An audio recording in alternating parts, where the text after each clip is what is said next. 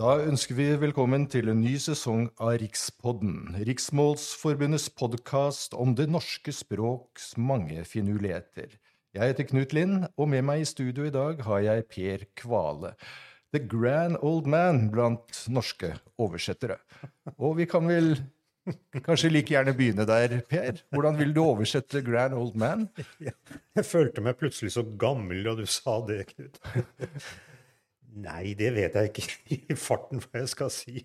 Det er vel ofte sånn at man bruker det engelske uttrykket i norsk eh, sammenheng. Ja, det er altså, jeg ser Store norske leksikon foreslår bl.a. 'ærverdig gammel mann', men det høres jo kanskje litt uh, tungt og siropa ut. Jeg, jeg synes at 'grand old man' er idiomatisk på norsk. Jeg syns det er uh, behøver ikke, brukbart. Behøver ikke oversettes. Nei. Nei, ikke sant.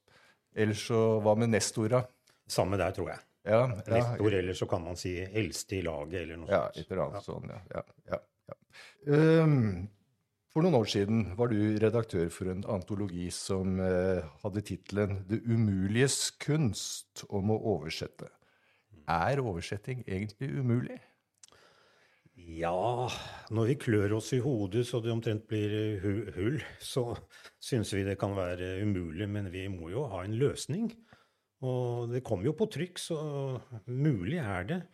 Men dette med det umuliges kunst, det tror jeg har mye å gjøre med den balansegangen vi hele tiden må, må gå. Det er altså, Vi må utøve en balansekunst f.eks. mellom det å eh, eksotisere og domestisere, som vi gjerne sier. Altså eh, skal, skal, vi hjemliggjøre teksten, sånn at det blir veldig norsk? Eh, eller skal vi beholde veldig mye av den eh, utenlandske klangen, mm. den fremmede. Der er det altså en, en balansekunst som er ja, nesten umulig, føles det iblant. Jeg har jo sett eksempler på at cockney, eh, engelsk f.eks., er blitt oversatt med da sånn bredt Oslo øst-dialekt. Det funker jo ikke alltid like godt, for da, da forsvinner den kulturelle konteksten, ikke sant? Kulturell kontekst er et godt ord som jeg ofte bruker selv, tror jeg når jeg jobber litt sånn eh, oversetterteoretisk eh, eh, Det er jo ikke bare å oversette språk, vi oversetter jo kultur. Og hvis vi oversetter fra en fremmed kultur til en veldig kjent hjemlig, så plasserer vi det til og med lokalt, og det blir jo rent galt. Ja. Men det fins jo gode eksempler på det. Jeg vet ikke om du husker Donald Duck, eh, som da var i Peru og møtte da noen inka firkantindianere, og vi, deres språk ble oversatt til Vossa-norsk, eller Vossamål. Eh, det er jo nesten blitt en legendarisk eh, oversettelse. Har du ikke vært på Vossevangen og hørt Mulargutten spille? Ja, ja, det var herlig lesning. Så det fungerte? Ja, det fungerte veldig godt. Ja, ikke sant. Men vil du si at det å oversette er en kunstart? Ja, altså som oversetter kaller ikke jeg meg kunstner. Jeg gjør ikke det. Det er vel gjerne en term jeg reserverer for billedkunstnere, men det er klart at jeg er jo med i en kunstnerorganisasjon. Så ja. Mm. Men det umuliges kunst, ja. Det ligger jo kunst i det. Ja, ja. Eh, for er det mulig i det hele tatt å yte teksten rettferdig når den oversettes eh, til et annet språk? Eh, jeg vil jo si at rettferdighetsbegrepet er jo kanskje litt vanskelig. Men går ikke alltid noe tapt? Nei, det gjør kanskje det. Noe, sier du. Noe går tapt. Men vi kan også vinne mye. Det heter jo 'Lost in Translation'. Det er jo en film til og med som heter det. Og gained, derimot, vunnet i oversettelse, det er det ikke så mange som har brydd seg om. Men det, ja, det kan jeg si noe om med det samme. Eh, jeg var borti en eh, engelsk tekst, nei, en svensk, mener jeg, av Peter Englund. Og der skrev han om noen polfarere, noen svensker da, som jeg aldri har hørt om. Og det var to stykker. Eh, I den norske oversettelsen så, så, så kunne jeg føye til en rekke polfarere med norsk bakgrunn. Og det var ikke minst uh, Hva var det, da? Det Ingrid Nei, Monica heter hun Christensen. Ja. Og Liv Arnesen og, og Randi Skau og, og uh, Kagge, for eksempel. Så da ble det en rikere tekst på norsk, og der, der vant vi noe. altså Something gained. Og det er lov å, å, å hva skal vi si, legge til noe sånne Ja, jeg spurte jo forfatteren da om Ja. det var greit for ham, og det var det absolutt. Og en annen gang så skrev han om uh, bombingen av Berlin i 1944. Og da spurte jeg ham om han har helt glemt Nordahl Grieg. Nei, hvem er det? Og så drev han litt, eh, bedrev litt sånn snabbforskning, som han sa. Og så kom Nordahl Grieg i den norske oversettelsen, og senere i, neste svenske utgave kom han med. Han forulycket jo der. Så det fins tilfeller hvor faktisk tekstene kan bli bedre på norsk enn på originalspråket. Ja. med andre ord. På, på sett og vis, ja. Men eh, altså, veldig ofte så oversetter vi jo fra engelsk, og, men også selvfølgelig fra tysk og skandinaviske språk. Og, men mangler man ikke av og til ord? Altså, både engelsk og fransk, er ikke det mer ordrike språk enn en enn norsk? Jo da, og absolutt engelsk. Men altså, vi har jo et stort tilfang på norsk også. Ikke minst uh, i riksmålet, da. Og riksmålet er jo også veldig nyanserikt, og det kan vi trenge i oversettelser. Vi kan jo variere når engelskmenn f.eks. varierer i sitt rike språk. Så kan vi gripe litt eh, dypt i språkskatekisten vår og, og få til variasjoner, vi òg. Men, men, ja. Ja. men er det noe som er uoversettelig? Ja, det er det vel på sett og vis. Jeg har ofte For å tenkt bruke den termen igjen. På, på, på en måte er det det, men vi kan jo på en annen måte få vridd det til, slik at det blir eh, oversatt allikevel. Godt eller dårlig. Vi kan vri det til, og det er det vi, det vi forsøker å gjøre, vi oversettere, da. Gir ikke opp. Jeg tenker ofte når jeg leser Tarjei Vesaas, at dette, dette må jo være helt umulig å oversette til eh, fremmede språk. Men fordi veldig mye av magien ligger jo i, ikke, bare i fortellingen, men også i språket og den telemarksdialekten han skriver på. Men han er jo oversatt da, til 30 språk. Og jeg snakket for mange år siden med Vesaas danske forlagsredaktør, og han hevdet at de danske oversettelsene var akkurat like gode som originalteksten. Ja, som danske kunne han vel si det. ja, men hvordan, hvordan er det mulig? Eh, Men eh, nå kan man vel si også da at eh, de som leser dette da på dansk eller fransk, eller hva det måtte være, de kjenner jo ikke da den norske originalteksten. Fins det noe fasit når du sitter og oversetter? Nei, fasit finnes det jo ikke, for vi ser jo Når vi ser på flere norske oversettelser av ett og samme originalverk, at det er ulike løsninger. Det er ingen fasit, og de kan være gode alle sammen, for den saks skyld. Fasit? Nei. Vi, vi har jo både nynorsk oversettelse av Shakespeare og, og bokmål, eh, riksmålsoversettelse, og jeg antar at du kjenner til begge. Og, det, og der eh, er det jo gode, gode løsninger som er forskjellige. Ja da. Nei, jeg har lest mye Shakespeare på norsk, eh, og jeg har for så vidt oversatt litt eh, Shakespeare selv, da, noen sonetter. Det er kanskje det vanskeligste jeg har påtatt meg i oversetteroppgaver noensinne. Ja. Hva, hva, er, hva er viktigst? Dette har jo vært en sånn evig debatt blant eh, oversettere og forlagsredaktører. At teksten blir oversatt korrekt uh, innholdsmessig, eller at det blir godt språk. Norsk. Ja, man må vel fordre begge deler, spør du meg, og det gjør det jo. Det er vanskelig å si at det ene er viktigere enn det andre. Men er det mulig å få til begge deler bestandig? Det er vel dette med hva som er mulig og umulig, da. Ja.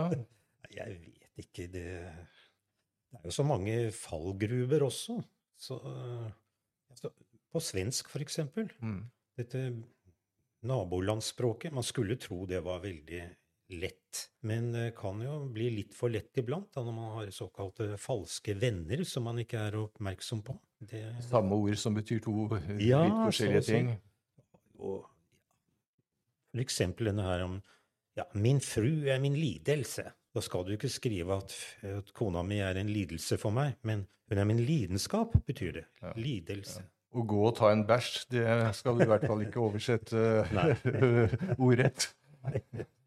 Nei. Så, Det blir å ta en halvliter eller noe sånt. nå. Ja. Nei, jeg var en gang i, i Sverige for, og, på båttur og måtte kjøpe nytt uh, sengetøy. Og uh, skulle da putevar. Og eh, da, da, da sviktet min svensk, og, med, og jeg lærte et nytt svensk ord, nemlig ørngodt. Ja, Som er jo helt annerledes enn på både norsk og dansk. ja. Ja visst. Så det fins jo sånne eh, fallgruber også. Ja da. Uh, Du sier jo at du har oversatt noen av Shakespeares uh, sonetter. Kanskje annen lyrikk også. Men er det stor forskjell på å oversette lyrikk og oversette prosa? Ja, det er jo det. Det er jo det. Du må jo plundre mer med lyrikk, vil jeg tro. Særlig hvis det er Shakespeare, da. For det første så må du jo forstå hva han sier. Tolkningsarbeid går jo forut for alt. Ja, i, all oversettelse går tolkningsarbeidet først. Det kan jo være vrient iblant. Har du større frihet når du oversetter lyrikk enn eh, når du oversetter eh, en roman, f.eks.? Mye større frihet til å gjendikte? Det kan jeg ikke si at jeg har gjort meg tanker om engang. Du har vært ved tro mot uh, originalteksten? Ja, ja. der sier du noe. Trofasthet er jo viktig. Jeg tror man kommer langt ved lojalitet, iallfall. Uh, og for uh, utgangsteksten. Og, og, og lydhørhet. Hvis vi sier trofasthet og lydhørhet skal gå hånd i hånd, så har man en god huskeregel. Um, vi snakket om uh, hva skal vi si, sosiokulturell kontekst. Uh, en nøtt kan jo ofte være at engelsk f.eks. ikke har uh, høflig tiltale eh, lenger. Det hadde det en gang i, i tiden. Og at eh, det kan være vanskelig å vite om man skal oversette du, eller kalle det si de, eh, hvis handlingen f.eks. er lagt noen år tilbake. Hvordan løser man det? Ja, jeg er litt konservativ på det punkt. Og vi må jo være litt konservative, vi overskyttere, for vi skal bevare eller ta vare på uh, verket. Uh, jeg syns det er rart når man sier du på norsk til en uh, engelsk adelig, f.eks. Eller en fremmed dame på gaten. I visse sammenhenger så kan det virke veldig snodig og uriktig. Eh, I eh, boken som jeg har nevnt, 'Det umuliges eh, kunst', så har du en artikkel med tittelen 'Om det uoversettelige'. Har du noen eksempler på ord eller uttrykk fra svensk eller engelsk eller tysk som ganske enkelt er uoversettelig? Ja, nå spør du veldig vanskelig, altså. Som sagt, vi pleier å vri til det som er tilsynelatende uoversettelig også, så vi finner en eller annen løsning. Vi har noen omveier. Og hvis det er noe vi slett ikke greier underveis, så kan man kanskje ta det igjen et annet sted og være litt ekstra elegant. Jeg vet ikke. Det er et gammelt oversetterråd. Ta det igjen et annet sted, ja. Ja. Kan du gi et eksempel på det? Nei, eksempler har jeg ikke, men eh, er, hva er det Carl Gerhard sa da? Hva man forlorer på karusellen, tar man igjen på da. Akkurat. Det er et slags prinsipp, da. Ja, ja, ja. Eh, og så er det jo noen ord da, som eh, faktisk samme ord kan ha to diametralt motsatte meninger eh, på originalspråket. Det blir nevnt i denne boka 'fuck me' eller 'fuck you', som betyr noe Mm. helt forskjellig. Ja. Det oversettes ofte med faen på norsk. Ja. Fuck faen. Ja. Faen ta, eller slike ting. Det syns jeg i grunnen er en god løsning. Ja. Uh, I boka skriver du om språkplanetsystemer. Hva er det? Oi! Husk, det kunne jeg ikke huske at er Nei. jo, Jeg sier vel noe Av konteksten fremgår det vel hva jeg har ment med den konstruksjonen der. ja, jeg tror du mener at, eh, at eh, hvert språk eh, på en måte har sin egen verden, Ja. og, og at man må ikke bare kjenne ordene, men man må også kjenne denne verdenen. ja, det er opplagt det som ligger i det, da. Mm, mm. Ja da. Så det er dette med kulturell kontekst, og ikke bare språklig. og ja, Det veldig mye man skal kjenne til som oversetter. Eh, omgivelsene. den verden, eller det språk- og kulturuniverset, hva man skal si med ett ord. Det har jeg da forsøkt å gjøre, tydeligvis. Mm, ja, jeg syns det var et veldig spennende, spennende ord. Språkplanetsystem. Ja, må se å lære meg det. Ja, må, uh, lese boka di om igjen. Jeg får gjøre det. Ja. Du skriver også at er det mulig, Du stiller spørsmål. Er det mulig at oversetterens metier kan bli noe annet enn en rekke sorgens kapitler? Sitat slutt. Svaret må jo være ja, for ellers hadde du ikke orket å drive med det. Det var da veldig pessimistisk uttrykt av meg. Nei, du har rett. Svaret må jo bli ja. Jeg har jo holdt ut med dette her i, i faktisk 50 år. Hvor mange bøker har du oversatt? Du, Vi snakket jo litt om svensk, og jeg tror det er De fleste er fra svensk, kanskje 70 eller noe sånt. Og til sammen har jeg oversatt 150. Det er da med de engelske og tyske. Ja, da har du også, og i tillegg har du jo også skrevet, skrevet uh, dine egne bøker, bl.a. romaner. Så du har, uh, hva skal vi si, tilbrakt et langt liv i språkets tjeneste. Jeg har jo det, og så har jeg skrevet en skal vi si, oversetterteoretisk bok som heter Fra Hieronymus til hypertekst, om oversettelse i teori og praksis. Det er en svær lunta, som man sier på svensk. men Den er norsk, da. Ja. Ja. Så det er vel en, en, bok som står seg, tror jeg. Ja. Det er jo fort gjort å gå i baret når man oversetter, og idiomer er jo kanskje det vanskeligste. Og særlig på undertekster på spillefilmer så, så ser vi jo mye rart, som at uh, jeg sparer til en regnværsdag, og, og han er ikke min tekopp og, og, og, så videre. Den har jeg ikke sett ennå. Nei, eller belly button, som også betyr navle, som oversettes med mageknapp, har jeg sett. Ja. Så jeg, jeg, antar at du aldri har begått feil av uh, tabber av denne type dimensjon, men uh, har du uh, noen, noen, favoritter blant egne eller andres uh, oversettertabber? Ja, egne har jeg vel fortrengt, tror jeg. Ja, det var, var noe med en en tysk fårehund en gang. Eh, hva var det da? A German Shepherd, eller Alsatian som det også heter. Det er en, eh, det er en schæfer. Schæferhund. Mens German Shepherd hadde jeg vel oversatt med en tysk gjeter, så vidt jeg husker. Men jeg har halvveis fortrengt det der, da. Iallfall. Ja, ja. Det er, eh, det, er, det er fort gjort. Men det med idiomer er jo veldig viktig, at man tar det riktige norske idiomer. idiomer.